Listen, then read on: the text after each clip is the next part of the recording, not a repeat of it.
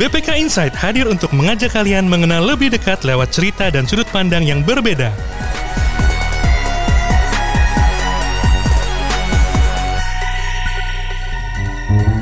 Assalamualaikum warahmatullahi wabarakatuh. Selamat datang di BPK Insight, podcast pembelajaran BPK Korpu bersama saya, Made Dwining Tias. Halo sahabat pembelajar semua di mana pun berada, apa kabar? Semoga selalu dalam keadaan sehat ya dan tetap bersemangat menjalani aktivitas kita sehari-hari.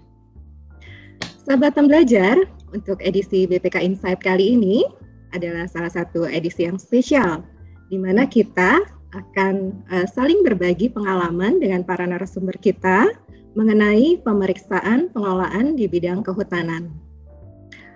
Sahabat pembelajar, uh, untuk bulan Maret ini juga bertepatan loh dengan Hari Kehutanan Sedunia yang diperingati setiap tanggal 21 Maret.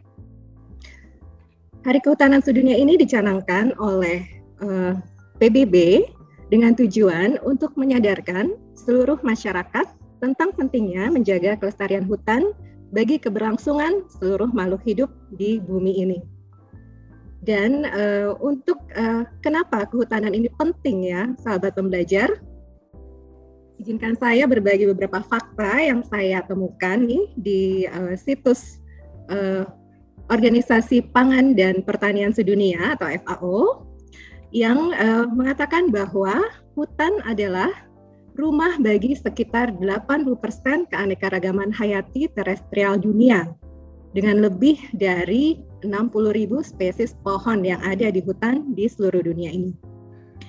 Kemudian fakta yang kedua mengatakan bahwa sekitar 1,6 miliar orang atau penduduk dunia ini bergantung langsung pada hutan untuk kebutuhan makanan, tempat tinggal, energi, obat-obatan, dan pendapatan untuk kehidupan sehari-hari. Kemudian fakta yang ketiga, sahabat pembelajar, dunia kita ini kehilangan 10 juta hektar hutan setiap tahun. Sangat disayangkan ya. Dan 10 juta hektar hutan setiap tahun itu ternyata adalah seukuran dengan negara Islandia. Sahabat pembelajar tahu ya, negara Islandia itu negara kepulauan di Eropa sana dan jumlah kehilangan uh, hutan kita itu hampir serupa dengan ukuran negara Islandia dan kehilangan hutan itu menyumbang 12 hingga 20 persen dari emisi gas rumah kaca global yang tentunya sangat berkontribusi terhadap perubahan iklim dunia. Dan fakta yang keempat yang disebutkan dalam website eh, FAO bahwa degradasi lahan atau uh, kerusakan lahan yang terjadi di dunia ini mencakup hampir 2 miliar hektar area kehutanan dan wilayah itu merupakan satu wilayah yang lebih luas dari wilayah Amerika Selatan. Wah, dengan fakta-fakta yang ada di situ, kita bisa melihat bahwa pentingnya peran kehutanan ini, peran hutan bagi uh, kelestarian, bagi keberlangsungan hidup kita sebagai manusia dan seluruh uh, makhluk hidup yang ada di bumi ini sangat penting. Dan terkait dengan bagaimana menjaga pengelolaan hutan tetap berjalan secara baik mengikuti peraturan perundang-undangan yang berlaku baik di Indonesia maupun juga uh, peraturan yang berlaku di uh, internasional, komunitas internasional di bidang audit kehutanan, telah hadir saat ini bersama kita tiga narasumber yang kompeten di bidang pemeriksaan pengelolaan kehutanan. Langsung saja kita sambut, uh, kita sapa narasumber yang pertama. Ini adalah dengan Mbak Soli Syahrial. Assalamualaikum Mbak Soli. Waalaikumsalam. Ya. Apa kabar Mbak Soli? Sehat, Mama Deh. Gimana ya Mbak Soli ya? Baik.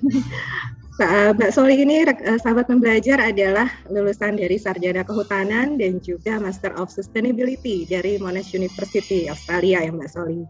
Dan kemudian beliau juga uh, sudah memiliki banyak pengalaman di bidang audit kehutanan uh, semenjak dari tahun 2008 menjadi auditor di bidang pemeriksaan Kementerian Kehutanan, Kementerian Pertanian, kemudian sampai dengan uh, pemeriksaan audit ke pemeriksaan lingkungan lainnya sampai 2020 dan saat ini beliau bertugas di uh, di Tamaresba. Siap. Baik, terima kasih Mbak Soli. Yang kedua untuk narasumber kita yang kedua adalah Mas Widas Prihantoro. Assalamualaikum Mas Widas. Pagi. Waalaikumsalam. Selamat pagi. Waalaikumsalam. Baik. Kabar baik Mas Widas. Mas Widas ini juga lulusan dari Teknik Lingkungan dan uh, sudah sejak tahun 2007 sampai 2013 ya Mas Widas ya uh, menjadi ya, auditor ya, bidang kehutanan kemudian pernah di perwakilan juga dan saat ini menjadi uh, auditor pada Auditorat Keuangan Negara 7 di bidang uh, eh, SKK Migas begitu ya Mas Widas. Ya, betul Mbak Maria. Oh, baik, dan yang ketiga narasumber kita, nah ini salah uh, adalah salah satu auditor kehutanan juga yang uh, berasal dari daerah yang sama dengan saya, jadi saya panggilnya Bli Igede Wiprade Pasupati. Selamat pagi, Brigade. Selamat pagi, Mbak ya. Made. Apa kabar? Sehat, sehat. ya, baik. Brigade ini adalah juga sarjana kehutanan, uh, kemudian pernah bertugas di menjadi auditor kehutanan di AKN 4 ya, Brigade. Ya. Kemudian ya pernah bertugas di perwakilan provinsi Kalimantan Tengah dan juga saat ini sebagai auditor di uh, eh, BPK perwakilan provinsi Bali. Begitu. Akhirnya pulang kampung. Kampung, pulang kampung kembali baik. Target ya. iya. Ya, terima kasih Mbak Soli, Mas Widas, Beli Gede sudah bersedia hadir di sini untuk uh, sama-sama kita ya Mbak Soli, uh, Mas Widas dan Beli Gede untuk berbagi pengalaman nih. Dahulu pernah menjadi kalau sekarang mungkin tidak menjadi auditor kehutanan lagi, tapi tentunya pengalaman yang sudah-sudah ini sangat berharga untuk bisa di-sharing untuk sahabat membelajar semua gitu. Baik, uh, di sini untuk uh, selanjutnya nih sebelumnya saya ingin uh, langsung masuk aja di pembahasan kita. Bisa di-sharing dulu uh, awal mula masuk dan ditempatkan di uh, auditor keuangan uh, 4, kemudian uh, menjadi auditor kehutanan. Apa saja sih yang dilakukan dalam uh, tugas pemeriksaan pengelolaan hutan ini? Baik, saya mulai dari Mbak Soli dulu ya. Silakan Mbak Soli. Makasih Mbak Made sedikit koreksi saya tuh bukan sarjana kehutanan Oh iya, mohon saya tuh mohon maaf sarjana lingkungan sarjana sama teknik lingkungan. Baik, baik. Ya. Jadi sarjana mohon maaf sahabat belajar ada sarjana teknik lingkungan, lingkungan. dua ya. Mas Widas juga ya? Iya, satu kita satu alma eh bukan alma mater ya, satu kampus ya Mas Widas ya. Satu Mas Widas senior saya dulu. Iya, jadi jadi dua sarjana teknik lingkungan dan satu sarjana kehutanan. Iya. Ya, silakan Mbak Soli. Ya. Jadi dulu tuh kasarnya kita kalau penempatan kan dicemplungin langsung ya di AKN 4 dan langsung ditempatkan di subauditorat 4 ayo lupa nih. Sekarang 4B dulu 4A ya? 4A2 A2 A2 4A2 pengalaman kan waktu itu belum tahu apa-apa nih Mbak Made. Apa sih kehutanan secara backgroundnya? Kan teknik lingkungan ya.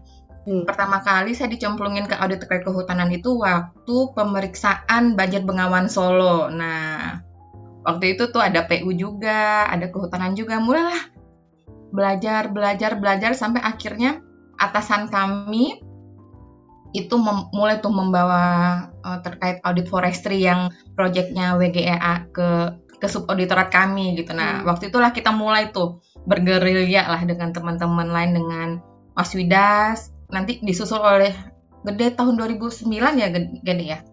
Eh 2009 ya? 2008 akhir. 2008. Oh 2008 akhir. Itu sih awalnya Mbak Made. Kalau saya. Uh. Eh, iya baik Mbak Soli. Nah terus uh, ini teman-teman uh, Mas Widas dan Brigade bisa uh, melanjutkan menjelaskan kalau auditor kehutanan itu tugasnya ngapain sih? Apa bayangan awam ya mungkin uh, kalau PS tuh atau pemeriksaan selalu jalan-jalan ke hutan gitu, belusukan ke hutan. Ya benar. Pastinya. Nah, gitu bener ya. emang. Wah itu kayak satu yang menantang juga ya. Maksudnya secara ilmu harus punya, tentunya dengan dasar tadi uh, apa ilmu auditnya, tapi secara fisik gitu dan mental juga tertantang begitu. Gimana tuh uh, pengalamannya? Uh, ngapain aja di hutan, terus audit kehutanan itu sebetulnya ada berapa jenis, kemudian lingkupnya apa gitu seperti itu. Yang beli gede dulu bisa menjelaskan. Siap, siap. terima kasih atas kehormatan. Ini sebenarnya saya paling junior di antara Mas Widas dan Mbak Soli. Saya kebetulan bergabung di auditorat 4A2 dulu namanya 4A2 yang membidangi sektor kehutanan itu di akhir 2008 kurang lebih bulan November atau Desember. Uh, tapi mulai penugasan 2009 jadinya. Kalau pertanyaannya ngaudit hutan tuh jenis pemeriksaannya apa saja? Ya mungkin hampir sama dengan semua pemeriksaan di BPK kembali ketiga jenis itu laporan keuangan, kinerja, kepatuhan, iya. uh, atau something special gitu lah, uh, yang merupakan kombinasi karena kalau mungkin uh, Mas Widas dan Mbak Soli juga bercerita nanti ketika dulu kita namanya kinerja karena masih awal dulu nah aromanya kan beda dengan kinerja sekarang gitu. Jadi uh, masih kombinasi lah antara kinerja dengan kepatuhan. Gitu.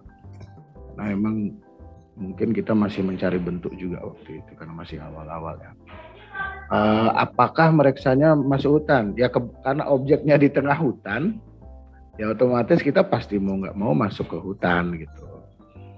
Uh, ya kebetulan karena saya sarjana kehutanan, ya memang dari zaman kuliah tugasnya memang masuk hutan gitu. Udah biasa ya mak beli gede ya? Iya, dulu prakteknya memang di tengah hutan. Cuma kan uh, beda sudut pandang. Beda sudut pandangnya kalau kita dulu, kalau saya dulu ketika praktikum itu di zaman kuliah ya masuk hutan dengan uh, baik itu melihat manajemennya, sisi silvikulturnya atau sisi konservasinya. Kalau sekarang kan sisi auditnya. Uh, sebagaimana peran negara, bagaimana negara menggunakan sumber daya yang digunakan dalam mengelola hutan di Indonesia seperti itu mungkin. Ya, tapi kembali lagi kalau dulu ada anekdot kalau teman-teman yang meriksa PU itu pasti ketemu jalan. Kalau meriksa, kalau kita yang meriksa hutan pasti jauh dari jalan. Pasti nggak ada jalan di situ. Iya, jalan setapak adanya ya. Iya, malah kalau ada jalan itu udah indikasi temuan. Oh, indikasi apa? Ya karena kalau itu kawasan hutan dan tiba-tiba kita ke sana ada jalan, nah itu udah Mbak Soli paling seneng itu. ada indikasi temuan Mbak Made katanya. Oh iya iya, nah indikasi temuan. Kenapa di hutan kok ada jalan gitu ya? Iya. Oke, nanti kita bicara lebih lanjut soal temuan yang menarik nih yang pernah uh, didapatkan uh, oleh uh, rekan-rekan sekalian. Nah, tadi kalau uh, jenis pemeriksaan kehutanannya itu tadi kinerja tapi masih uh, pada saat waktu teman-teman lakukan adalah masih masih kinerja campur dengan audit kepatuhan begitu ya seperti itu. Ya. Kemudian untuk uh, tujuan auditnya apa sih uh, biasanya pada entitas tertentu kemudian uh, apa tujuannya? Mas Widas bisa menerangkan? Iya, uh, sebenarnya uh, kalau pemeriksaan di kehutanan ini macam-macam ya tujuannya ya. Tergantung tadi tergantung jenis pemeriksaannya sebenarnya. Mau pemeriksaan kinerja atau pemeriksaan uh, uh, kepatuhan atau PDTT gitu ya. Atau uh, kalau pemeriksaan keuangan juga pasti tiap awal tahun kita laksanakan cuma kalau misalnya uh, anggap aja pemeriksaan pertama tentang kehutanan yang pernah uh, saya lakukan itu tentang manajemen kehutanan sebenarnya jadi itu sangat luas sekali ya manajemen kehutanan itu mulai dari proses inventarisasi hutannya, ada istilahnya itu pengukuhan kawasan hutan. Susah nih, pengukuhan itu kayak apa? E, suatu kawasan itu dipatokin gitulah ya gampangnya ya. Sehingga kalau sudah dipatokin maka itu nanti dikukuhkan menjadi kawasan hutan.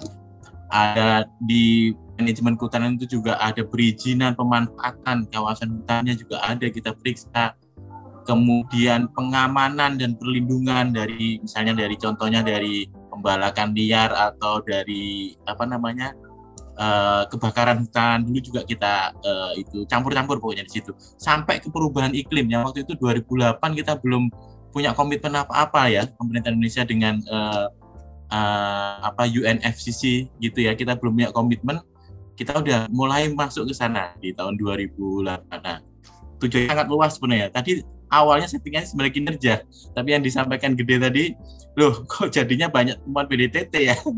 Akhirnya ya ya udah kita setting jadi uh, eh, PDTT juga akhirnya walaupun awalnya kita pengennya uh, pemeriksaan kinerja. Baru setelah itu di tahun-tahun berikutnya kita fokus mulai dari PNBP kehutanan sendiri ada mitigasi perubahan iklim ada pengukuhan sendiri ada jadi tidak general gitu ya nah di awal itulah di manajemen kehutanan pemeriksaan awal itulah kita mulai menggunakan apa? Uh, teknologi GIS ya awal-awal kita masuk ya sorry ya gede ya. Yeah. jadi kita mulai kenalkan coba uh, apa namanya meriksa hutan yang uh, uh, yang menggunakan teknologi apa sih kira-kira teknologi apa yang bisa digunakan. Waktu itu ya masih kita belum walaupun backgroundnya kita ada perpetaan dulu dia ya soal ya. Itu masih manual kan belum pakai satelit satelitan gitu loh. Pakai teodolit masih das dulu kita. Pakai teodolit ya namanya. Kita coba uh, kontaklah ke lapan gitu ya. Uh, saya kami punya inisiatif untuk gimana caranya nih kita uh, memanfaatkan uh, lapangan kita belajarlah sama lapan ada di Klat di, di di Balai Diklat juga di Pusdiklat Jakarta kita mulai sama BPPT juga kita mulai belajar awal-awalnya sih seperti itu Pak Baik ya, Mas Widas. Jadi uh, ini sambil ibaratnya sambil menyelam minum air ya. Hmm. Uh, nyemplung itu tadi... Mbak Made, lebih ke nyemplung nekat gitu. Oh, nyemplung nekat. Makanya kan kata Mas Widas tadi, ya manajemen hutan yang semuanya. Karena ya seperti kata gede tadi kita masih mencari pola ya. Makanya tahun-tahun berikutnya barulah kita bisa lebih spesifik itu pun. Spesifik mikirnya agak panjang ya Mas Widas gede ya. Ini bakal ya. nemu apa kita gitu kan ya? Baik, baik. Jadi jadi dianggap ini apa uh, rekan-rekan bertiga ini juga salah satu yang tentunya tidak mengesampingkan uh, apa uh, kinerja yang lain. Tapi turut terlibat bertiga ini turut, uh, rekan ini turut terlibat dalam meletakkan dasar-dasar untuk pemeriksaan kehutanan yang uh, lebih berkembang untuk BPK begitu ya. Seperti itu. Mudah-mudahan. Mudah-mudahan. Iya. ya kemudian tadi tuh uh, gimana sih ketika awal dapat uh, penugasan, misalkan uh, Mbak Soli dapat surat tugas penugasan uh, pemeriksaan pengelolaan hutan di provinsi uh, mana gitu. Terus apa yang pertama kali dilakukan Mbak Soli dan tim ini? Uh, mungkin sama tahapannya seperti audit yang lain, tapi mungkin uh, bisa dijelaskan ada perbedaan di mana atau bagaimana Mbak Soli? Silahkan. Jadi, uh, makasih Mbak Made. Jadi kalau menurut saya pribadi nih, yang paling sulit di audit kehutanan itu adalah memahami peraturannya Mbak Made. Karena peraturannya Masya Allah banyak banget. Teman-teman tuh sampai bikin satu Excel yang merunut peraturan dari tahun 99 yang Undang-Undang 41 tahun 99 itu turunnya PP-nya apa aja, habis PP Permenhutnya apa aja. Karena habis itu karena Permenhut, Kemenhut itu rutin rutin berubah gitu ya. Jadi kami itu challenge-nya itu zaman itu juga susah mencari peraturan yang online bukan ya? Masih ya. gede ya. Jadi kita benar-benar merunut peraturannya dulu, kita memahami peraturannya dulu, barulah kita mulai memahami proses kerja di Kementerian Kehutanan sendiri gitu. Itu yang paling susah Mbak Made. mungkin gede mungkin karena dia orang kehutanan mungkin dia lebih familiar lah. More and less lebih familiar mungkin ya. Tapi mungkin dia jangan-jangan dia juga nggak sadar peraturannya sebanyak itu. Iya, iya karena itu uh, mata kuliah tersendiri juga kebijakan hutan kalau nggak salah itu dan bukan mata kuliah favorit saya lah.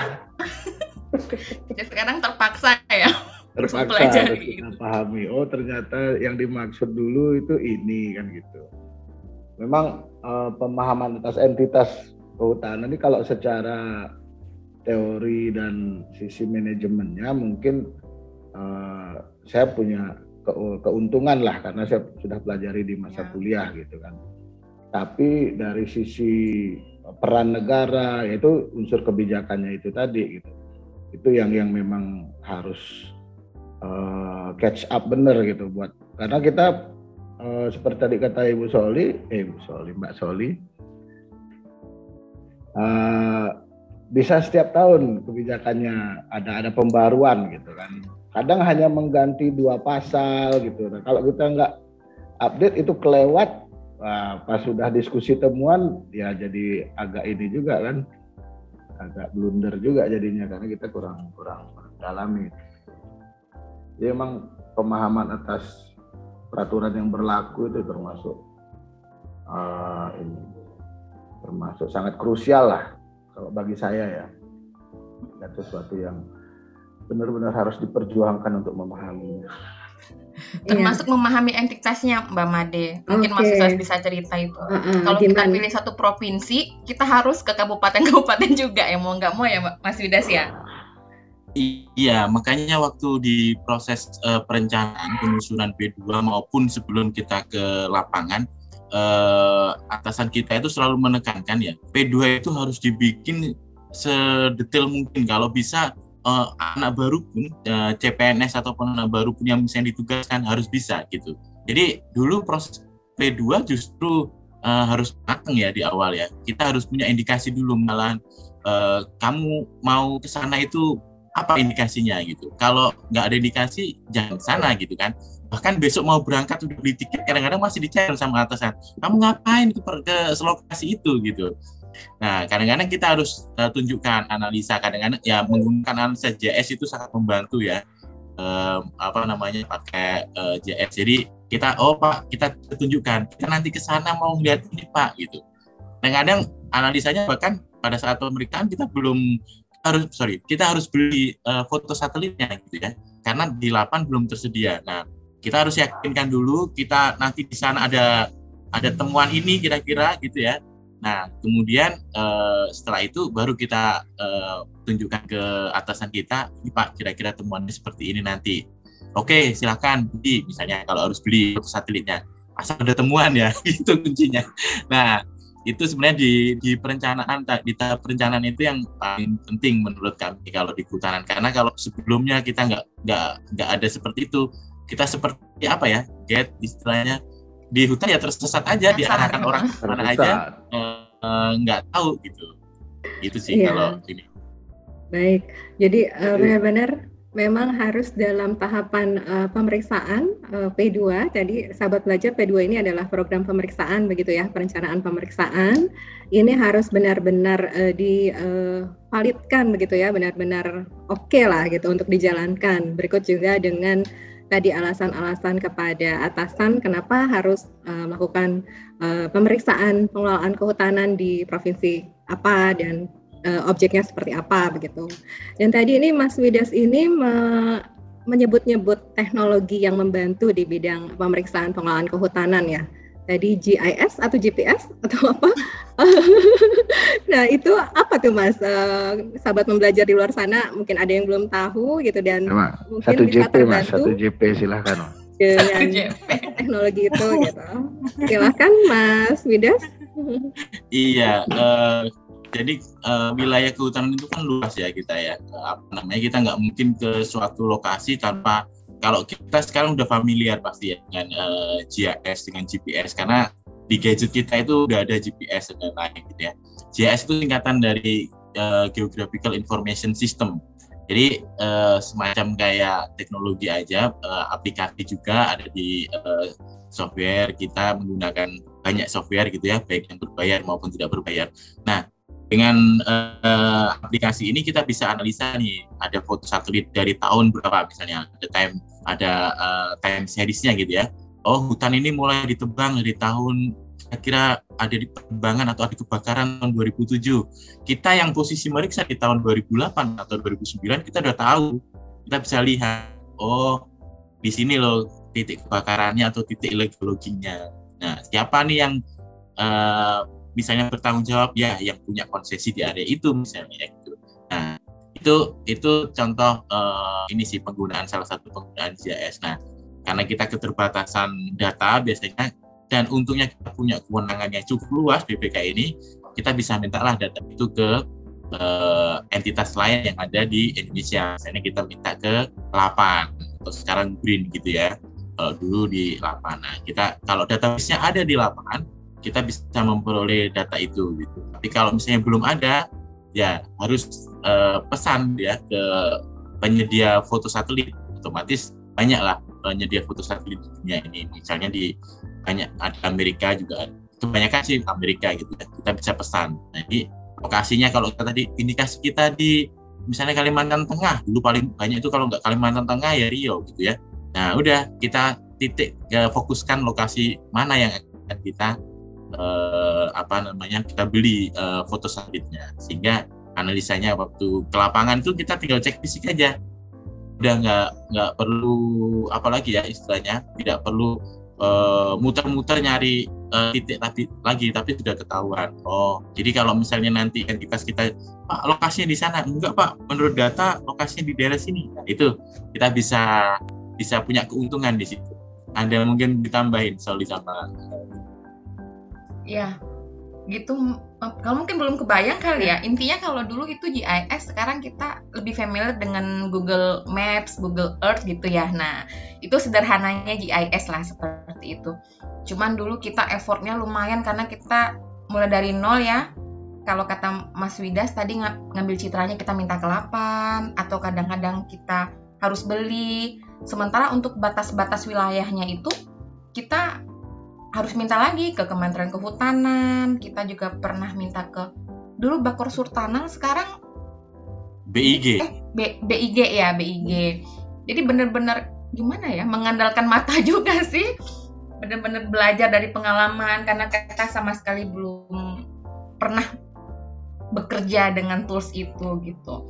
Nah, kalau kita, makanya tadi kan nyambung dengan perencanaan yang dibilang Mas Widas tadi, diharapkan dengan menggunakan ini kita langsung mengklaster gimana ya ngomongnya? Langsung punya area yang langsung kita sasar gitu kalau kita mau ke lapangan. Nanti kalau uh, kita udah punya sasaran biasanya kita sebut uh, poligonnya itu kita masukin ke GPS ke alat kita untuk tracking untuk menuju lokasi. Nanti kita nggak akan disasarin insya Allah nggak akan disasarin gitu maksudnya. Karena kita tahu nih harusnya area ini lebih ke utara bukan ke barat nih Pak. Kita harus ke sana Pak. Jadi Bapak jangan muter-muterin kita gitu. Seperti itu Mbak okay, Made. Oke, okay, iya. Gede juga ada pengalaman tuh kayaknya. Gambarannya mungkin Iya, gimana Mas Kalau sekarang kita pakai Google Map nyari alamat orang, itu kan kita masukkan alamatnya, kemudian biarkan Google memandu kita belok kanan, belok kiri atau ke mana. Nah bayangkan kita mencari alamat itu seolah-olah tidak ada jalan. Gitu dia hanya garis lurus menuju lokasi itu. Jadi ya mungkin di kondisi di lapangan jalannya harus ada belok kanan belok kiri dulu gitu. Tapi kalau belum kalau di data GPS yang kita bawa kita menunjukkan bahwa kita masih jauh atau masih di luar dari lokasi tersebut, ya kita minta didekatkan lagi, kita minta Pak kurang maju atau kurang ke barat lagi gitu. Seperti itu karena kan kalau di lapangan biasanya ya banyak banyak kondisi lah, entah disengaja atau tidak, yang nganterin kita kadang uh, tidak di lokasi yang kita inginkan. Nah kalau bayangkan kalau seandainya kita nggak punya nggak bawa alat pandu seperti itu gitu, ketika kita minta diantarkan ke hutan A gitu, kita diajak ke sebuah hutan dan dia bilang ini hutan A gitu kan, ya siapa ya? yang tahu kan gitu. Baik, bentuknya baik, hampir iya. sama gitu. Iya. Taunya pas sudah balik ke kantor ya, Get. Ya. dianalisis. Eh, ya. Salah posisi gitu Disuruh ya. Disuruh balik lagi nanti ke sana kan. iya. Pohonnya pohonnya sama semua ya, Get. Oh, iya. Ada alamatnya soalnya. Baik, jadi uh, tadi GIS itu adalah salah satu teknologi yang uh, rekan-rekan gunakan ya di saat melakukan uh, pemeriksaan pengelolaan kehutanan yang sangat membantu sekali untuk dapat memetakan di posisi mana untuk uh, akan dilakukan pemeriksaan seperti itu ya. Istilahnya jangan jadi lost in the jungle nanti. benar-benar jungle soalnya, benar-benar di hutan gitu. Jadi bayangannya gini, uh, Mbak Made. Ya. Kalau teman-teman uh, kalau kita sama-sama di 4A ya, biasanya teman-teman PU kita sebagai gunakan sebagai perbandingan.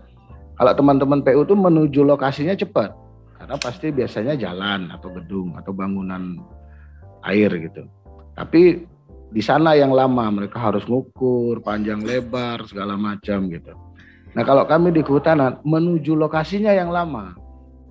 Sampai iya. di sana paling cuma ngambil foto, ngambil titik, nggak sampai 10 menit udah pulang, tapi menuju lokasinya yang bisa seharian gitu. Oke, oke. Betul-betul kan? Jadi ingat. Jadi tadi ya butuh butuh effort uh, tidak hanya keilmuan saja di bidang uh, apa peraturan perundangan yang berlaku tentang kehutanan, tapi juga uh, ketahanan fisik, mental untuk menuju lokasi pemeriksaan gitu ya. Mentalnya itu. Mentalnya itu.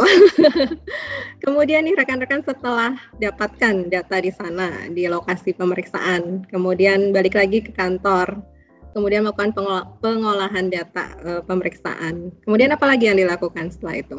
Hmm, Mbak Soli. Menyajikan. Uh, Mbak Blagede atau Mbak Soli silakan. Silakan Get. ya, ini ahli keahliannya Soli sama Mas Widas menyajikan dan menyusun laporannya pasti, Pak. Termasuk okay. konfirmasi Mbak Made. Nah. Kita okay. mau gimana ya? Kita kan mengambil titik seperti kata Gede tadi kan titik itu kita masukkan ke dokumen pemeriksaan alias berita acara pemeriksaan fisik lah ya biasanya. Lalu kita melakukan konfirmasi untuk ke Kementerian Kehutanan untuk memastikan memang yang kita dapetin itu memang area yang kita analisis sesuai dengan analisis awal kita seperti itu. Misalnya nih hutan lindung nih seharusnya misalnya ya. Ternyata kok udah jadi kebun. Nah, kita memastikan lagi ke bagian planologi dulu namanya kita memastikan lagi ke planologi sana untuk mendapatkan pernyataan mereka bahwa lokasi yang kita datangi dan yang kita ambil titiknya itu memanglah hutan lindung seperti itu. Barulah tuh mulai tuh ngolah data tuh gede-gede tuh jagoannya Mbak Made. Ngolah data, ngutak-ngatik, displaynya juga harus presisi ya, karena kan tidak semua pembaca itu memahami peta. Ya, maksudnya kita harus bikin presisi. Legendanya jangan lupa ya, Get ya. Itu Mas Widas yang bikin standarnya itu. Oh, Mas Warna, warna-warnanya ya kalau nggak salah dulu juga ya. Sebenarnya warna kan e, kalau warna misalnya tadi itu hutan lindung, hutan konservasi udah ada udah ada dari e, aturannya. Jadi udah ada aturan warnanya. Misalnya hutan lindung itu hijau tua gitu ya. Konservasi itu warna ungu, hutan konservasi gitu. Jadi kita awal-awal dulu waktu bikin terserah aja gitu ya. Kok nggak seragam ya? Kok seragam ya? Itu terserah aja warnanya gitu. Di LHP antara LHP yang ada di bersamaan terbitnya ada yang di Riau di Kalteng kok beda gitu ya. Ini hutan lindung warna kuning ini hutan lindung warna oh ternyata ya itu tadi karena saking banyaknya aturan kita harus oh ternyata ada aturannya. Jadi kita oh ini warnanya ini kalau hutan mersekian warnanya ini gitu. Jadi akhirnya distandarisasi lah itu karenanya supaya sesuai dengan uh, Kementerian Keuangan juga sama gitu. Kita LKP kita nggak ngaco sendiri gitu ya warnanya. Jadi ya udah di ada ada standar ada aturannya gitu. Nah ya. itu yang uh, setelah dari lapangan memang ya udah tadi kita analisis konfirmasi harus ya. Konfirmasi tadi seperti yang Soli bilang konfirmasi harus karena itu merupakan uh, tahapan audit yang penting gitu ya. Kemudian kita susun kita susun segampang mungkin sebenarnya gambar itu kita sajikan. Tulisannya juga segampang mungkin bisa dimengerti uh, apa namanya pembaca dari uh, apa uh, luar unit kami gitu ya. Karena kalau bahkan di BPK sendiri dulu kita sering bicara dengan uh, bimbangkum ya kalau untuk putaran ini seperti apa sih gitu? Apakah ini kerugian negara? Misalnya itu berapa gitu? Ya agak agak ada gap lah di situ ya. Kita harus menjelaskan gimana kerugian negara dari sektor lingkungan itu seperti apa. Dulu awal-awal harus menjelaskan itu uh, karena uh, asumsi kerugian negara ya sama itu ya nyata dan pasti. Sementara kerugian lingkungan baru prediksi gitu kan, hmm. baru estimasi. Kita nggak nggak gitu oh, berarti akhirnya dapatlah saya kata-kata potensi kerugian atau seperti itu. Nah itu yang harus uh, laporan jadi penyusunan laporan setelah di lapangan itu yang harus kita uh, apa namanya kita susun dengan uh, baik supaya dimengerti oleh semua pihak. Baik, baik terima kasih Mas Widas. Kemudian dari pengalaman uh, audit kehutanan dari rekan-rekan semua ini, masalah-masalah apa yang ditemukan dalam uh, pengelolaan kehutanan oleh entitas terkait? kan kalau masyarakat yang umum paling mungkin, seru, yang paling seru uh, soal ya, ceritakan. apa yang paling seru?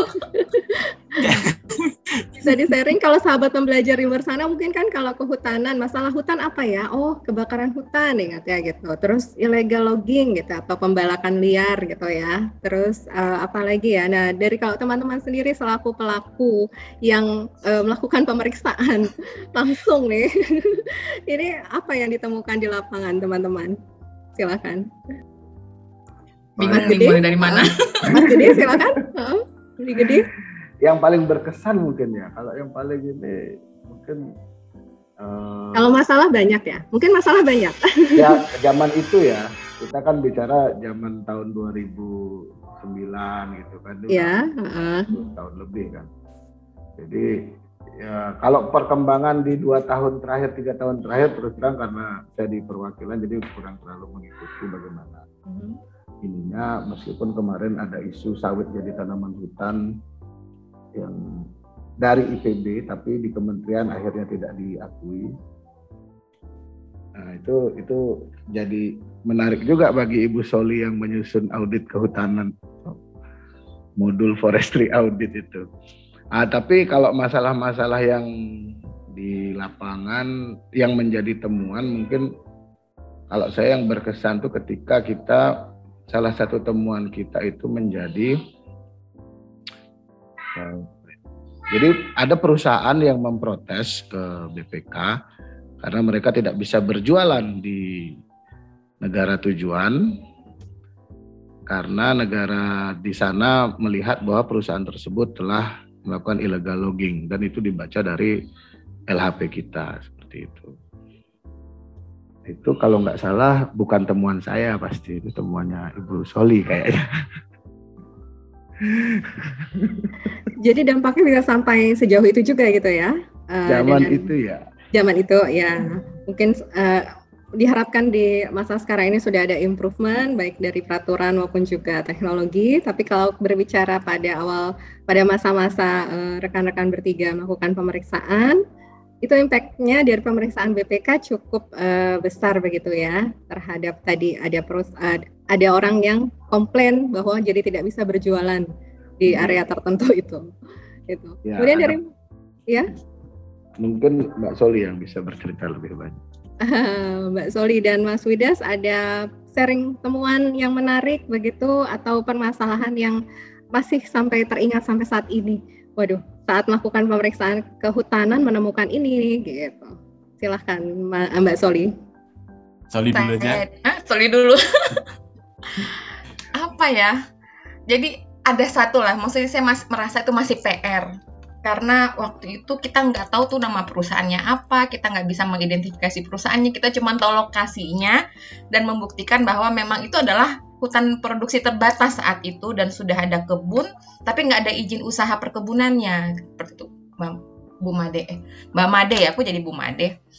Nah, jadi waktu yeah. itu kita bener-bener based on GIS lah, kita lihat tutupan, terus kita lihat-liatin amatin kok, ini kok polanya pola kebun seperti itu kan, terus kita ke kabupaten kita minta izin usaha apa HGU ya HGU kita tanya HGU kita minta IUP kok di sana nggak ada seperti itu kan? Entah secara administrasi nggak rapi entah bagaimana. Akhirnya berbekal GPS dan output dari GIS itu kita ke sana tuh nekat. Di sana tuh syukurnya nggak ada penjaga mbak Made. Kita udah masuk masuk aja kan? Pokoknya kita gitu, masuk ya. titik udah diliatin tuh sama orang kantor sekitar sana cuman kita nggak disamperin syukurnya. Nah akhirnya ternyata itu sampai 10.000 hektar ya. Itu tuh di uh, kebun sawit di HPT cuman memang in the end kita tidak bisa menyimpulkan itu perusahaan siapa. Seperti jadi kayak apa ya dulu itu rekomendasinya untuk inilah untuk menelusuri lah. Dinas terkait untuk menelusuri itu izinnya bagaimana seperti itu. Karena kan harusnya kalau itu HPT tidak bisa langsung jadi kebun kan harus diturunkan grade-nya dulu menjadi HP seperti itu. Atau dilepaskan. Eh lebih dilepaskan ya get ya? Atau diturunkan ke HP turunkan dulu kan? Diturunkan. Oh diturunkan ke HP baru dilepaskan seperti itu. Baru bisa dijadiin kebun. Tahap ya. nah itu berkesan itu Bu Made karena yeah. ya itu nggak nggak nemu siapa mereka yeah. Jadi masih tanda tanya untuk pribadi ya Mbak Soli ya. Iya, laporan itu sudah selesai nanti rekomendasi dan berikutnya tindak lanjut ya urusan berikutnya begitu yeah. ya. Cuma pengalaman yeah, yang masih berbekas nggak final gitu. Ya, karena di, di masih penasaran dalam hati gitu kan. Yeah. Oke. Okay. Kemudian Mas Widas gimana nih Mas Widas yeah. uh, ada pengalamannya? Uh, hampir sama kayak gede tadi sih sebenarnya. Jadi ini uh, temuan ini menurut saya berkesan karena sampai ke arbitrase internasional ya. Jadi uh, waktu itu uh, temuannya terkait tumpang tindih penggunaan kawasan hutan lah ya. Jadi antara ada perusahaan A sama perusahaan B tumpang tindih ya. Nah, misalnya perusahaan A ini yang uh, perusahaan yang legal gitu. Nah, perusahaan B ini perusahaan yang uh, tidak resmi gitu ya, tidak uh, di, di temuan kita itu ada indikasi pemalsuan surat eh, apa namanya izin usaha pertambangan. Jadi ternyata perusahaan B ini dibelilah sama perusahaan internasional gitu ya, perusahaan Inggris gitu, perusahaan internasional.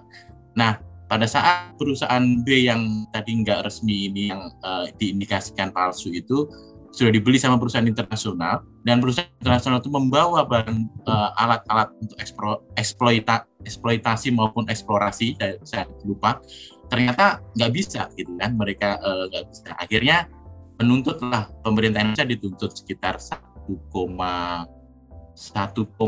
miliar atau kalau dikurskan 20 triliunan gitu ya dari tahun 2010. Nah, baru baru keputusannya itu di 2019 eh, kalau nggak salah. Jadi Indonesia akhirnya menang gitu di 2019. Alhamdulillah ya menang. Di uh, bangganya itu sebenarnya salah satu uh, eh, LHP kita kemudian mungkin juga saya temuan uh, saya pribadi gitu ya temuan apa yang menginisiasi awal temuan saya gitu jadi oh dipakai untuk sebagai salah satu bukti gitu ya salah satu bukti LHP kita uh, salah satu bukti ke arbitrase internasional gitu. Dan uh, bersyukurnya kita menang gitu ya. Oh ya bagi kami ya wah bangga juga ya kita bisa ini berperan gitu ya. Akhirnya ya sudah uh, tuntutan itu kita uh, gugur gitu ya. Nggak nggak jadi dapat nggak jadi mengeluarkan uang negara nggak jadi keluar sebesar 20 triliun gitu ya. Syukur lah itu menurut saya yang padahal semuanya simpel-simpel aja sebenarnya ini nggak ada cek ke lapangan sebenarnya. Cuma dari atas uh, analisa JS aja. SKA dengan SKB dicocokkan. Loh kok tumbang tindih gitu. Akhirnya uh, konfirmasi ke apa penerbit SK nggak ditemukan SK ini. Oh jadi indikasi palsu. Ke konfirmasi ke bupati saya nggak pernah tanda tangan nih gitu. Oh ya udah. Uh, lapangannya karena belum belum ada uh, lapangan posisi belum belum eksploitasi ya. Jadi masih uh, permukaan lahannya ya masih hutan gitu. Nggak ada nggak ada belum dibuka kawasan hutan. Iya, gitu. baik. Wah menarik menarik sekali ini Mas Widas tadi uh, temuannya pemeriksaan membuktikan bahwa pemeriksaan hasil pemeriksaan BPK ini tidak hanya untuk uh, menjaga ya, menjaga pengelolaan keuangan negara di bidang audit kehutanan, tapi juga bisa membantu pemerintah kita ya, entitas kita di Indonesia ini uh, menjaga haknya, menjaga hak hutan Indonesia. Uh, bahkan sudah dibuktikan dengan tadi di pengadilan uh, internasional kita menang karena memang sudah ada bukti-bukti yang kuat dan juga salah satunya ditunjang oleh hasil pemeriksaan BPK seperti itu. Ya.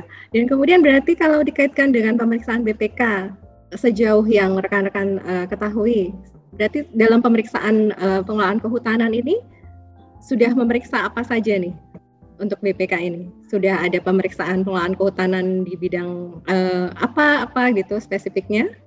Silahkan, beli gede.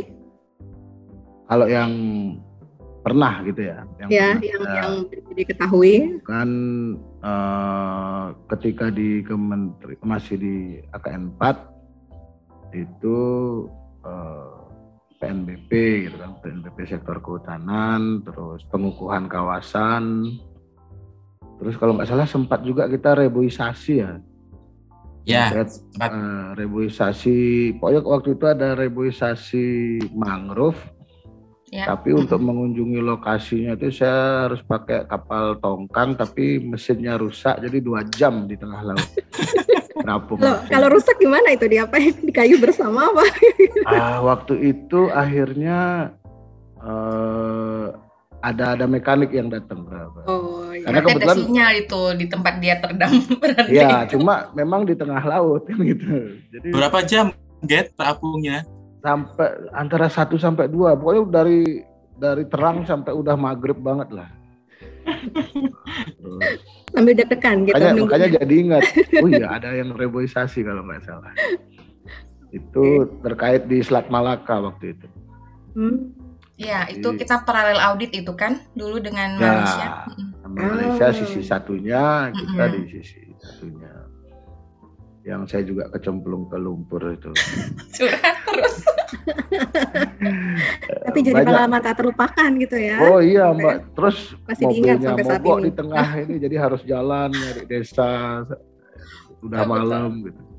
Bikin obor dari daun kelapa itu ya memang harus harus siap seperti itulah gitu. Jadi uh, mungkin buat gambaran yang CPNS baru masuk ditaruh di AKN sekarang 4B ya.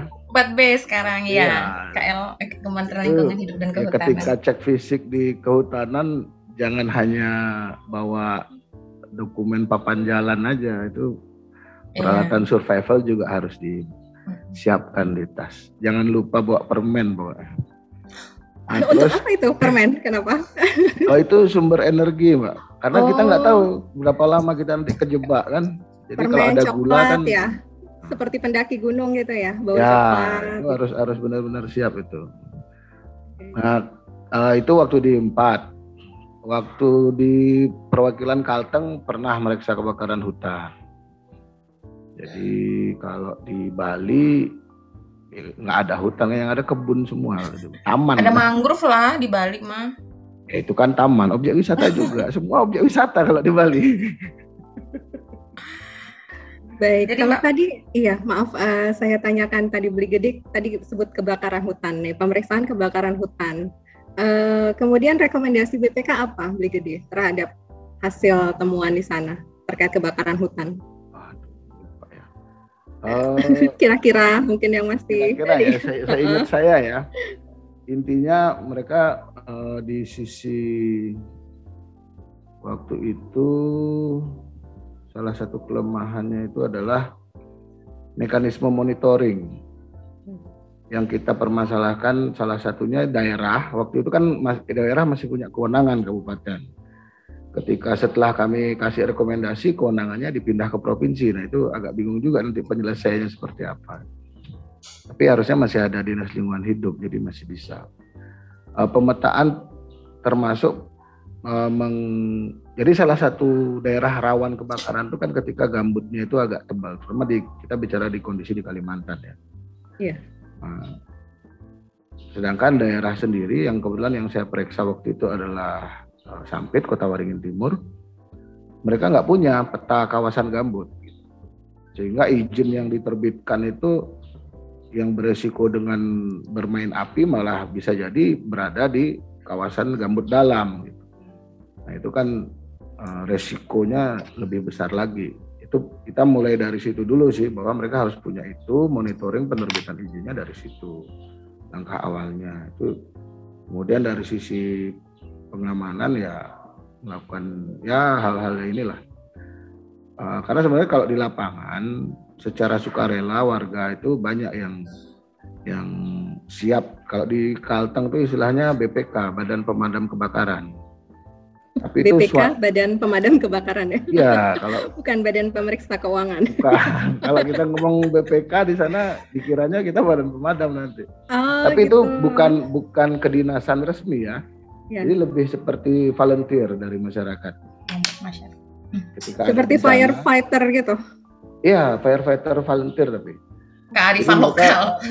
ah, jadi mereka karena karena kondisi di sana sih. Jadi ketika kebakaran tuh uh, tiba-tiba ada aja nanti datang satu oh, iya. bawa pakai pickup dengan mesin pompa biasa gitu itu yang, yang membantu memadamkan nanti. Memadamkan. Tapi turut diapresiasi ya, itu kan pekerjaan sosial begitu kan, tidak semua orang mau dan bisa. Iya, ya, ya. karena kondisi uh, mungkin kayak di Sampit, terus daerah-daerah tertentu lah, uh, di di Kalimantan enggak enggak semua sih. Tapi daerah yang cenderung padat kayak di Kapuas atau Sampit yang perkampungannya padat dan karena mereka kondisi lahannya kebanyakan bangunannya dari kayu, nah itu kan sangat rentan sekali dengan kebakaran. Biasanya pasti ada itu badan pemadam itu. BPK lokalnya. BPK lokal. Baik. Kalau Mbak Soli apa nih Mbak Soli eh, pengalaman eh, selama audit kehutanan BPK ini sudah melakukan audit kehutanan apa saja nih yang Mbak Soli tahu? Jadi sebenarnya kami itu bisa dibilang sama melakukan pemeriksaannya, tapi provinsinya berbeda gitu, Mbak Made. Oh, begitu. Misalnya kan manajemen hutan, mm-hmm. uh, saya di Riau misalnya, Mas Sudas di Kalteng, Gede misalnya di Kaltim. Nah, itu objek apa? Uh, topiknya sama, tujuan auditnya sama, tapi objeknya itu objeknya berbeda. Berbeda, iya, baik ya. berbeda. Jadi yang agak beda mungkin saya dulu itu ada yang saya bilang tadi uh, banjir Solo itu kita fokus ke reboisasi lahannya okay. reboisasi hutan dan lahan. Tapi itulah kalau reboisasi hutan dan lahan kan ujung-ujungnya HL ya di tempat yang tinggi gitu. Susah banget auditnya. HL apa itu Mbak? Sorry. Hutan lindung, reboisasi hutan lindung. Hutan lindung. Oh, nah, kalau hutan, hutan lindung, lindung itu kan ya. pasti agak ke atas, kita harus daki lah, agak jauh jalannya lah. Tapi cenderung susah lah dapat temunya kalau menurut saya kalau kita cek fisik gitu. Paling ujung-ujungnya by dokumen saja. Oke, karena lahan apa uh, medannya itu susah gitu ya. Susah, iya. Dijangkau, Saya pernah gitu. naik hutan lindung Gunung Lawu Selatan. Oh, lumayan Mbak Made. lumayan keplesetnya. oh, pernah ketemu ini binatang apa gitu di hutan lindung kan banyak binatang ya? Alhamdulillah enggak. Pernah dengar suaranya aja tapi ketemu enggak. Alhamdulillah. Suara apa harimau? Suara harimau. Tapi kalau orang hutan pernah, orang hutan pernah. Iya iya iya iya. Lumayan ya. dapat pengalaman buaya, ya. Kan? Hah? Ada yang pernah nabrak buaya kan? Bukan kami tapi ada. Nabrak buaya. Untung buayanya nggak nggak nabrak balik ya mas. Baik, iya ya ini kan jadi kayak adventurer juga ya, jadi kayak petualang juga gitu ketika melakukan audit uh, apa pemeriksaan pemeriksaan pengelolaan kehutanan ini. Dan baik, uh, kemudian kalau ini kan rekan-rekan tuh sudah paham untuk uh, bagaimana best practice atau panduan untuk pemeriksaan pengelolaan hutan Indonesia. Kemudian saya juga dapat data nih bahwa uh, rekan-rekan di sini juga uh, aktif dalam uh, mengikuti training-training atau pelatihan dan juga bahkan menjadi trainer atau pengajar di uh, pelatihan internasional bidang uh, pemeriksaan kehutanan yang pernah dilakukan oleh uh, BPK yaitu Badan Diklat BPK mulai dari tahun 2014 sampai 2019 ketika BPK saat itu juga uh, sekaligus menjadi ketua dan sekretariat dari Intosai Working Group on Environmental Audit atau WGEA. Nah, di masa kepemimpinan BPK ini, BPK juga uh, menjadi uh, apa lead leader dari uh, project uh, eh, WGA, kemudian juga untuk uh, mengadakan pelatihan internasional di bidang audit kehutanan. Nah, dari pengalaman rekan-rekan uh, menjadi pengajar nih, ini uh, apa namanya pesertanya ini internasional ya, datang dari berbagai benua karena Intoside ada yang dari Asia, sama Asia, kemudian Australia bahkan pernah mengirimkan peserta, kemudian dari benua Amerika ini Amerika Selatan banyak yang juga jadi pesertanya, Eropa juga banyak pesertanya. Nah ini uh, bisa sharing ke sahabat pembelajar semua, gimana sih uh, persiapan apa yang dilakukan ketika mau ngajar, kemudian pengalaman apa yang seru yang pernah didapatkan selama ngajar? Ya Mas Widas nih, kayaknya udah siap. udah udah senyum-senyum dari tadi tuh. Iya. Silakan. Iya. Iya benar yang kata Made tadi. Kita mulai mulai deliver uh, apa namanya materi diklat atau training itu 2014. Tapi kita sudah mulai menyusun untuk guidance pemeriksaan uh, apa namanya audit forestry itu tahun 2011 kalau nggak salah ya udah selesai udah di uh, udah ditetapkan sama uh, Intosai sebagai salah satu guidance gitu ya kemudian baru setelah itu kita nyusun panduan apa uh, diklatnya gitu ya baru 2013 itu kita semacam tryout tryout gitu ya tryout baik di Pusdiklat maupun kita coba uh, one day seminar uh, di apa WA waktu itu ada di ada di Eropa juga pernah gitu ya. Jadi sekali one day trial gitu. Nah kalau yang untuk pengajaran dari tahun 2014 kan uh, lima hari gitu ya. Nah tadi yang disampaikan awal 2014 istilahnya kayak rebutan gitu ya, yang daftar gitu. Karena mereka uh, lihat dari memang lihat dari apa namanya laporan-laporan kita LHP LHP kita penggunaan terutama untuk penggunaan eh, GIS dan GPS itu pasti tertarik lah mereka untuk itu untuk menggunakan itu yang agak seru ya kalau misalnya tadi dari Amerika Latin gitu kan mungkin hutannya agak agak sama ya dengan kita. Yang agak aneh itu yang dari Timur Tengah gitu. Gimana ya caranya ya? Ini hutannya apa ya gitu? Kalau Eropa mungkin uh, homogen gitu ya hutannya terlalu heterogen kayak hutan hujan tropis kayak di kita gitu. Nah di Timur Tengah itu kita juga bingung ini kawasan hutannya seperti apa? Ternyata mereka punya spot-spot uh, area yang dikonserv untuk hutan gitu ya mungkin dekat dengan mata air dan lain-lain. Dan itu mereka selalu rutin. Dari Timur Tengah itu selalu rutin ikut gitu ya. Kalau kita sharing coba dong sharing ini uh, hutannya kalian seperti apa? Nanti kira-kira bikin P2-nya seperti apa gitu kan? Uh, temuannya seperti apa istilahnya? Nah, itu mereka juga sebenarnya kami di sini juga mau belajar ini ke Indonesia gimana gitu kan. Cuma beda memang ya, ketentuannya agak beda. Jadi uh, itu tantangan sendiri sih bagi kita untuk oh ya udah kita gambarkan aja kalau pemeriksaan uh, misalnya penggunaan kan uh, pemeriksaan uh, diklat itu setting untuk pemeriksaan kinerja sebenarnya kan. Nah, tapi uh, kita uh, dari awal menyusun B2 sampai menjadikan laporan itu seperti apa menentukan area kunci itu seperti apa gitu kan. Jadi sesuai dengan panduan saya tapi yang menarik ya ya itu tadi kita ada input GIS ada input GPS kemudian itu. Nah mereka gimana menyesuaikan? Itu harusnya berkelanjutan gitu kan ya. Dari mereka kita setelah tren di Indonesia mereka membuat uh, P2 atau program pemeriksaan di uh, eh, BPK-nya masing-masing, kemudian diimplementasikannya seperti apa kemudian bisa share lagi nanti next time uh, pemeriksaan. Kadang-kadang mereka menjadi uh, subject matter expert gitu ya. Datang ke Indonesia pada mengamati pada saat diklat itu ada dulu dari kalau nggak salah ada dari entah Estonia atau yang apa gitu sebagai uh, pengamat atau memberikan memberikan uh, sebagai subject matter expertnya gitu ya uh, untuk diklat itu. Jadi dapat masukan juga dari mereka gitu.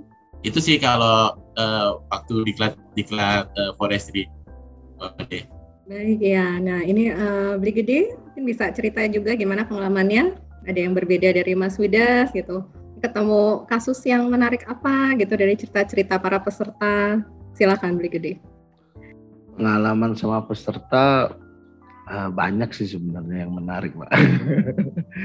Tapi yang jelas uh, se seingat saya dalam kita mengembangkan uh, apa ya? Kita kan dalam proses memberikan diklat dan segala macam kita juga belajar gitu. Karena kita belajar dari kasus-kasus peserta cerita akhirnya itu memperkaya yang biasanya kita masukkan ke sesi berikutnya dalam artian pelaksanaan tahun depan. Termasuk juga hmm, ketika kita awal mengembangkan diklat di forestry kita menggunakan GPS. Software yang kita gunakan apa gitu.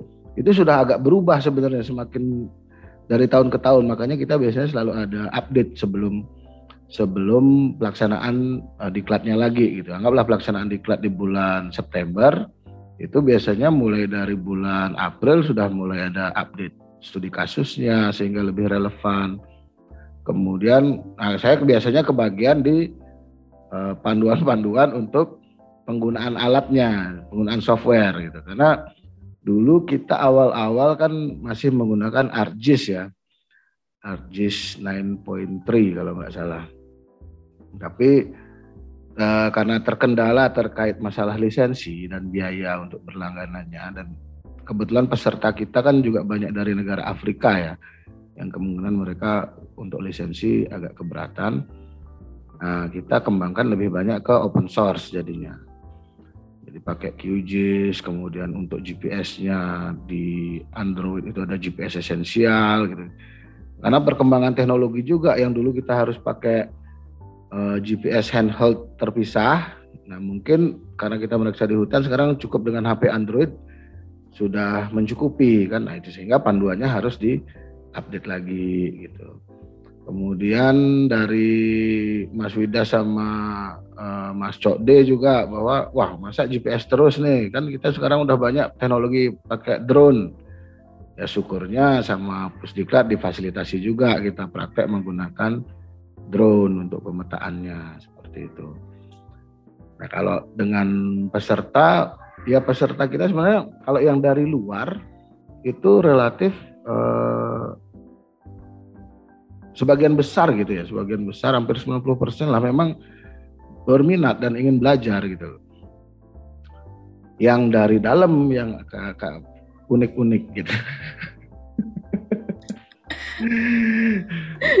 Unik-unik nih, uh, mungkin mau belajar juga dan lebih ini mungkin karena pesertanya kan dari negara lain ya, jadi belajar ya. komunikasi antar budaya juga. ya. ya itu itu. Jadi mau menggabungkan banyak culture kan emang pasti agak ini ya uh, ya seru sih di sana kalau, kalau saya lihat jadi mengelola kelas dengan variasi yang bukan hanya variasi dari sisi knowledge tapi dari sisi culture-nya juga kan gitu itu itu yang yang uh, pengalaman tak terlupakan lah bagi saya. Baik, iya, baik, terima kasih. Ya, ya.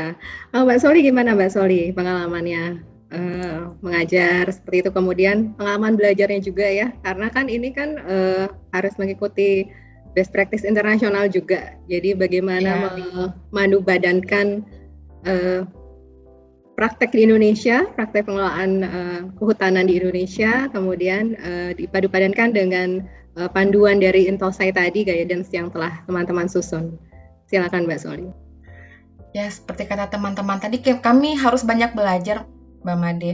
Karena kan definisi hutan tiap negara itu berbeda. Jadi memang pada saat kami mengantarkan diklat harus eksplor banyak dari pesertanya. Kita seperti kata Mbak Mas Wida tadi, kayak apa sih hutan di Timur Tengah gitu? Seperti apa sih definisi hutan di misalnya apa Estonia seperti itu kan? Belum lagi kadang-kadang ada sedikit kendala bahasa kalau saya sih kan yang dari Afrika atau itu kan agak unik ya Inggrisnya kadang-kadang kita artinya apa artinya apa ya effort lah pokoknya kita nah kita gimana caranya biar dari banyak negara itu bisa ngeblend di diklat di training itu terlebih lagi itu sistem diklatnya tuh actively participate gitu loh Mbak Made. Jadi kita kasih tugas mereka jelaskan ke kelas kita elaborasi di, di ditanggapi oleh negara lain seperti itu effortnya. Menurut saya makanya waktu kita kami training dulu kita teamwork. Jadi bukan jadi bukan hanya Mas Yuda saja untuk hari pertama gitu bukan. Jadi teamwork yang di belakang layar yang nggak di depan itu yang dukung di belakang layar untuk support banyak-banyak hal seperti itu nggak nggak bisa kayaknya kalau sendiri-sendiri ya Mas Yudas ya susah lah karena kita emang harus mengendalikan orang dari banyak negara dengan sistem belajar yang kita harapkan itu susah memang. Iya, tiap kelompok ya. tiap kelompok ada pendampingnya ya kalau ya. ya. Jadi uh, biar uh, apa namanya materi juga kadang-kadang yang disampaikan di depan uh, perlu di, diperjelas lagi di masing-masing kelompok gitu. Supaya lebih apa lebih paham gitu ya. Ya itu tadi kendala bahasa Inggris juga masalah juga gitu. Kadang-kadang yang disampaikan gede juga kendala uh, knowledge juga. Dulu sempat yang saya ingat yang saya ingat justru yang dari Australia yang udah ibu-ibu yang udah sepuh gitu ya. Udah 60 tahun berapa gitu kalau nggak salah. Bahkan handphone aja nggak punya beliaunya gitu kan jadi tapi ya seneng waktu kita ajak ke uh, lokasi apa hutan gitu kan. Seneng ya. Jadi handphonenya mana? kita tanya. Saya nggak punya handphone gitu kan. Kaget tuh. Ada juga ya orang yang nggak punya handphone ya? Tahun segitu. Itu kendala juga salah satu. Tapi ya terus memang didampingi gitu kan. Tim uh, pengajar kan nggak cuma bertiga ada beberapa gitu banyak gitu. Jadi pas ke lapangan juga didampingin tiap kelompok ada gitu Baik ya Mas Yudas, jadi banyak uh, dinamikanya juga ya untuk ketika menjadi pengajar untuk kelas uh, internasional ini gitu kan. Dari yang memang harus menyamakan persepsi tentang kehutanan di masing-masing negara tuh seperti apa gitu. Kemudian juga penggunaan aplikasi teknologi untuk membantu audit kehutanan yang memang masing-masing negara, masing-masing peserta itu tentukan beda kompetensinya seperti itu. Dan kalau pengalaman dari rekan-rekan uh, melihat panduan yang ada di uh, international best practices yang di uh, disusun oleh WGA dengan uh, pelaksanaan di dalam negeri di, di Indonesia sendiri pada saat itu ya. Uh, ini bagaimana? Memang memang Indonesia atau BPK ini sudah cukup uh, update terhadap uh, panduan dari pengelolaan audit pemeriksaan audit kehutanan ini sudah cukup update atau masih butuh improvement dibandingkan dengan panduan yang ada di uh, dunia internasional? Silahkan, Mbak Soli. Segede udah ketawa itu sebagai ahli orang kehutanan tuh, Mbak Made. Yang tahu ref bank ini Mbak, kalau ada infonya Mbak. Iya, sekarang Mbak Soli di ref bank ya berarti ya. yang pasti Mbak Made, kita itu nyusun itu berkiblat ke ITTO. Ya, ITTO itu yang hutan tropis ya gede ya apa sih istilahnya itu uh, pokoknya tropical timber nah mereka itu udah mempunyai konsep yang lumayan kompre, udah udah komprehensif ya terkait pengelolaan hutan di negara tropis. Nah, memang kita kemarin banyak elaborasinya di diskusi-diskusi uh, yang ada di ITTO seperti itu. Memang namanya juga hutan tropis sangat berbeda dengan hutan yang bukan tropis ya tapi cukup lah Mbak Made karena memang yang hutan yang paling kompleks itu mungkin memang hutan yang tropis gitu.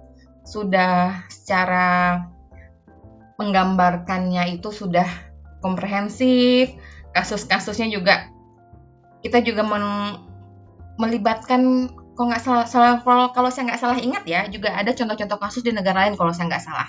Tapi memang dominannya dari Indo, Indo, Indonesia memang karena memang tropis. Nah seperti itu perlu ditingkatkan nggak gede? Ada yang perlu dielaborasi nggak? Yang pasti perlu dielaborasi dengan teknologi zaman sekarang mungkin ya. Zaman sekarang iya. dan peraturan terkini gitu ya, ya seperti itu.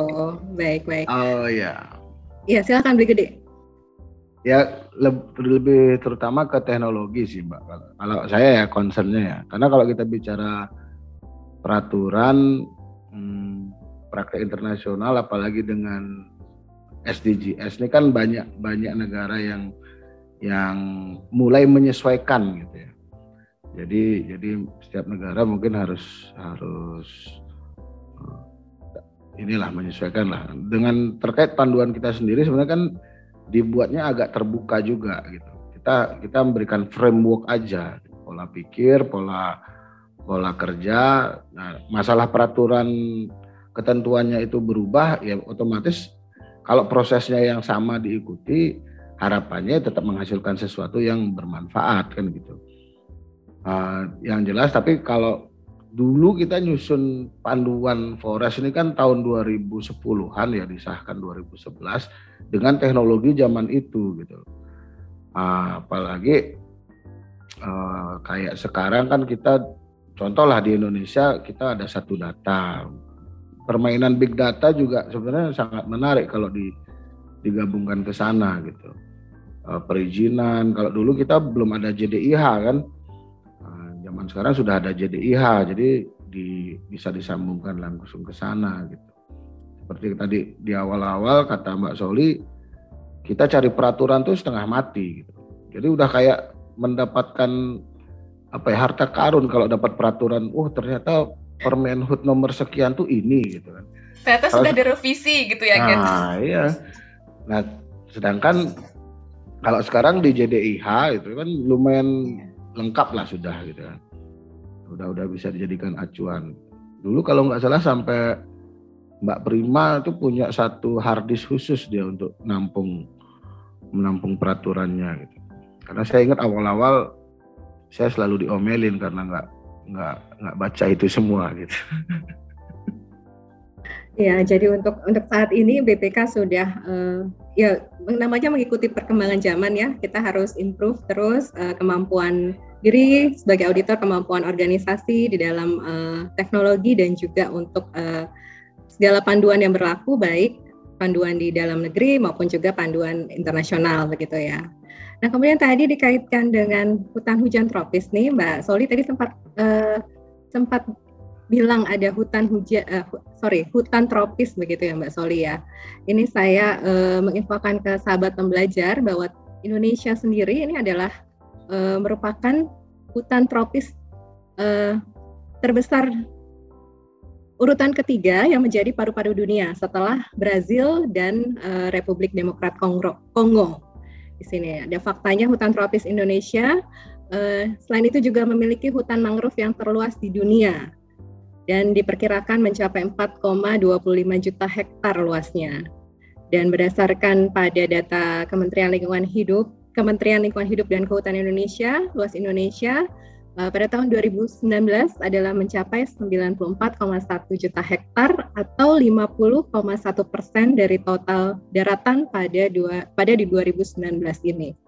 Jadi memang besar ya hutan Indonesia ini ya rekan-rekan ya dengan segala uh, potensinya yang uh, sangat mensupport untuk kehidupan manusia dan uh, makhluk di bumi ini dan juga dengan segala kompleksitas permasalahannya. Kemudian untuk uh, oh ya dilihat dari segi kehutanan dari SDGs nih. Ini kan sekarang lagi eranya SDGs. Untuk rekan-rekan uh, melihat bahwa uh, kehutanan ini menjadi salah satu bagian yang penting juga untuk uh, bisa menyupport untuk uh, bagaimana tercapainya uh, sustainability atau keberlangsungan hidup begitu di planet bumi. Mas Widas bisa menambahkan? Silahkan.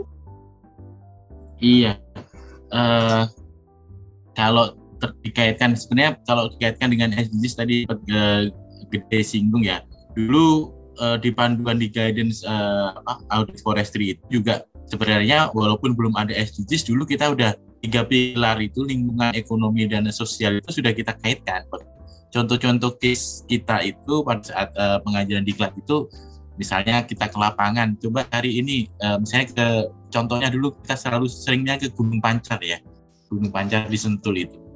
Kita di situ ya, ada konservasi pernah ikutan ke sana. Ada, pernah ya? Pernah ikut eh,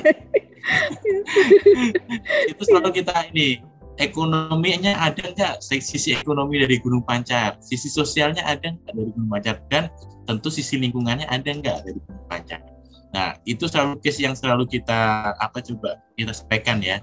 Nah kita uh, walaupun di guidance-nya belum kita update menyebut nama SDGs, tapi di sektor uh, waktu pada saat dia diklat mulai di 2016 kalau nggak salah itu kita sudah masukkan uh, istilah-istilah SDGs itu supaya lebih uh, menarik gitu ya karena bagaimanapun juga ya hutan ini kalau mau di, uh, dikaitkan dengan SDGs linkage-nya paling banyak di antara semua di antara sektor lain ya di 17 uh, goals misalnya Pak semua uh, kehutanan paling justru yang paling besar mempengaruhi uh, goals-goals yang lain gitu ya. Nah, itulah uh, kenapa pentingnya uh, hutan ini makanya uh, pasti akan menjadi salah satu agenda uh, agenda yang penting di eh, SDGs gitu. Selain mungkin energi gitu ya. Jadi hutan itu pasti menjadi isu yang sangat menarik uh, di di semua di semua bo, di, sejak dari MDGs maupun sampai mungkin SDGs nanti selesai bahkan berikutnya mungkin ada di SDGs yang lain di 2031 sektor kehutanan paling penting gitu ya terutama di Indonesia misalnya dari tadi uh, gambut misalnya. Gambut ini kalau terbakar ya pasti uh, emisi karbon kita sangat besar gitu ya. Nah, itu sangat mempengaruhi uh, pencapaian SDGs kita. Itu yang menjadi fokus-fokus tadi yang kita contohkan jangan sembarangan kita ngasih izin kalau nggak nggak tahu lokasinya pemerintah maksudnya memberikan izin nggak tahu lokasinya itu misalnya di, di lokasi lahan gambut atau misalnya tadi uh, sempat Madi singgung mangrove kita terbesar juga. Karena ada beberapa dulu kita periksa itu ada HPH uh, eh, perusahaan kayu yang ada di hutan uh, mangrove. Itu juga pernah di, diberikan izin. Zaman awal-awal uh, apa namanya uh, reformasi gitu bupati bisa memberikan uh, area 100 hektar di hutan mangrove untuk uh, perusahaan kayu gitu ya. Dan itu akhirnya memang sudah direvisi tapi kan bahaya sekali gitu ya.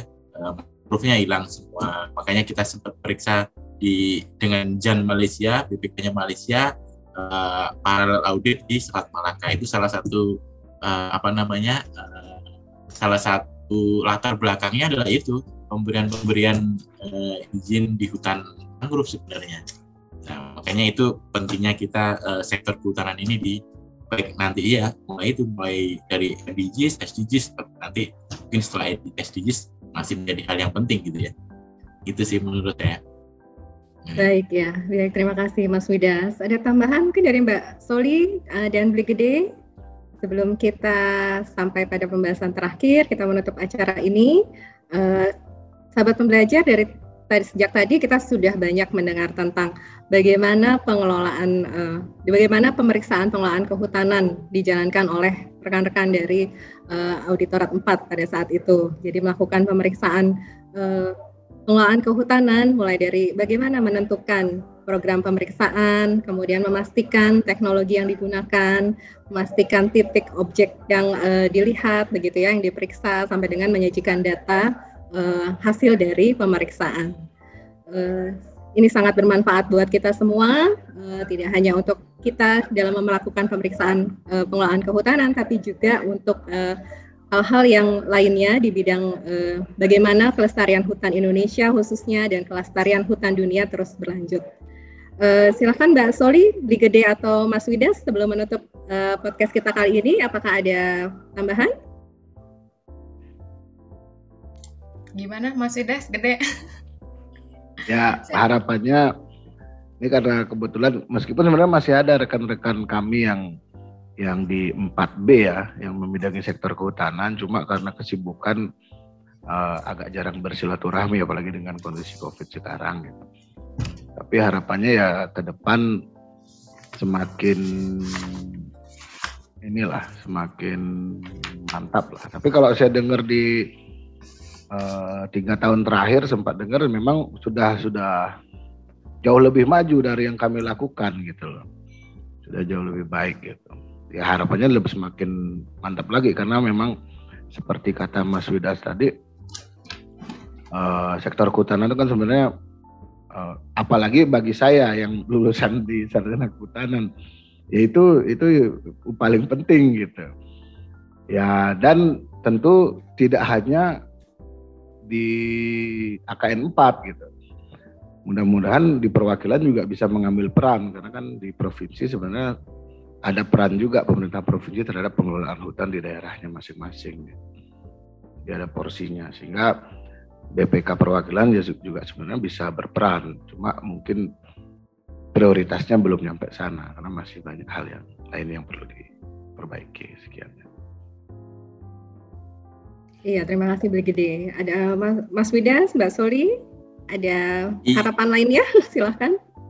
Uh, kalau saya sih mungkin ini ya Mbak, meriksa kehutanan itu seru gitu ya uh, seru jadi jadi tantangan sendiri cuma memang apalagi buat teman-teman yang masih uh, apa namanya jiwa petualangannya itu masih membara gitu ya pasti seneng lah kita ke macam-macam tempat yang indah-indah taman nasional dan lain-lain ke taman nasional uh, jadi ke taman nasional yang uh, taman nasional Komodo Rinjani gitu macam-macam objek-objek yang kita audit itu objek yang menjadi tempat pariwisata dan indah gitu ya tapi jangan lupa juga bahwa memang uh, pada saat kita meminta ke lokasi tertentu kadang-kadang akses terbatas ya. Kita nggak bisa memaksa safety, tetap harus kita uh, pentingkan juga gitu. Jadi kadang eh, kadang-kadang memang ada lokasi yang memang nggak bisa ditempuh. Makanya kita harus siapkan alternatif lah gitu. Misalnya kita nggak bisa ke lokasi A, kita harus ke lokasi B gitu. Jadi kita juga nggak bisa memaksa, kita harus koordinasi dengan entitas kita, safety-nya seperti apa, karena kita nggak tahu tadi ketemu binatang apa gitu kan pernah e, kalau ke lokasi kemudian ada ini balik juga gitu. Nggak nggak nggak nggak sampai juga gitu kan. Padahal udah diingatkan gitu kan sama entitas kita pak itu nggak bisa diakses karena ABC gitu kan. Nah kadang-kadang ya itu yang harus mungkin bagi teman-teman pemeriksa eh, kita harus eh, safety tetap harus kita inilah kita utamakan juga walaupun semangat gitu ya. Gitu Baik, ya ini jadi harus uh, semangat tadi ya sebagai auditor kehutanan nih harus semangat. Kalau yang masih muda-muda yang baru masuk BPK nih dibandingkan kita mungkin harusnya lebih Jangan semangat lagi. Umur yang pasti. Lagi Ah, ah, betul, karena faktor usianya masih muda, masih uh, bisa melakukan pemeriksaan fisik dengan baik gitu ya, bisa dan uh, pokoknya jiwa petualangnya itu masih tinggi gitu. Ya Mbak Soli ada harapan ke depan atau pesan silahkan. Cuman ini terakhir ya Bu Mandi ya. Kita dari tadi belum membahas itu definisi hutan, bedanya dengan kawasan hutan. Oh iya. Para pendengar mungkin ada yang silakan bertanya. silakan. Uh. Jadi di Indonesia itu ada istilah kawasan hutan. Kawasan hutan itu tidak berarti hutan. Kan orang kalau membayangkan hutan kan banyak pohonnya, ada pohonnya. Sementara yang di Indonesia itu yang disebut hutan itu adalah kawasan hutan yang ditetapkan oleh negara Bu Made. Jadi jangan bayangkan kalau kalau kami pemeriksa bilang kawasan hutan itu kebanyakan tuh hutan tinggi-tinggi pohonnya enggak, enggak, enggak masih seperti itu gitu. Bisa juga yang sudah di kebang pohonnya tapi masih masuk ke peta kawasan hutan itu adalah hutan seperti itu. Dan saya rasa banyak pemeriksa di BPK juga yang belum memahami definisi kawasan hutan dan hutan itu sendiri. Iya, baik. Terima kasih Mbak Soli. Jadi memang harus tadi lagi ya balik ke uh, panduan pemeriksaan bahwa hutan apa nih yang dimaksud nih? Hutan ini seperti apa yang tadi dijelaskan oleh Mbak Soli kan satu kawasan yang telah ditetapkan gitu ya untuk menjadi hutan. Tapi eh, sahabat belajar mungkin kalau orang yang awam eh, kita melihatnya hutan ya ada tanaman-tanaman banyak gitu kan. banyak tanaman terus mungkin ada sat, eh, marga satwa di situ liar. Itu hutan gitu. Tapi ya mungkin hutan secara umum iya gitu. Tapi hutan yang menjadi objek dari eh, pemeriksaan BPK yang ada dalam undang-undang itu mungkin harus disamakan dulu persepsinya hutan yang seperti apa gitu ya Mbak Soli ya. ya Baik. Iya, terima kasih banyak ini kalau begitu uh, para narasumber kita, rekan-rekan, Mas Widas, Mbak Soli, Beli Gede, terima kasih. sudah sharing banyak kepada kami sahabat pembelajar mengenai uh, proses dari pemeriksaan pengelolaan kehutanan yang telah dilakukan oleh BPK di masa uh, rekan-rekan bertiga ini masih aktif menjadi auditor kehutanan ya, seperti itu. Semoga obrolan kita pada edisi podcast kali ini bisa bermanfaat dan juga nanti menjadi uh, sebuah bahan untuk uh, improvement atau perkembangan bagi uh, eh, BPK sendiri untuk uh, pelaksanaan pemeriksaan pengelolaan kehutanan di masa kini dan masa mendatang. Terima kasih sekali lagi Mbak Soli, Mas Widas, Gede untuk waktunya. Mungkin kita Terima nanti kasih. Ya, ke depannya jangan kapok jika kami undang kembali dalam podcast Insight. siap, siap. Baik. Terima kasih juga sahabat pembelajar telah mengikuti uh, podcast kami kali ini dari awal hingga selesai. Semoga dapat menjadi uh, suatu yang bermanfaat bagi sahabat pembelajar dan kita semua. Nantikan episode BPK Insight berikutnya. Terima kasih. Salam BPK Korpru. Wassalamualaikum warahmatullahi wabarakatuh. Waalaikumsalam.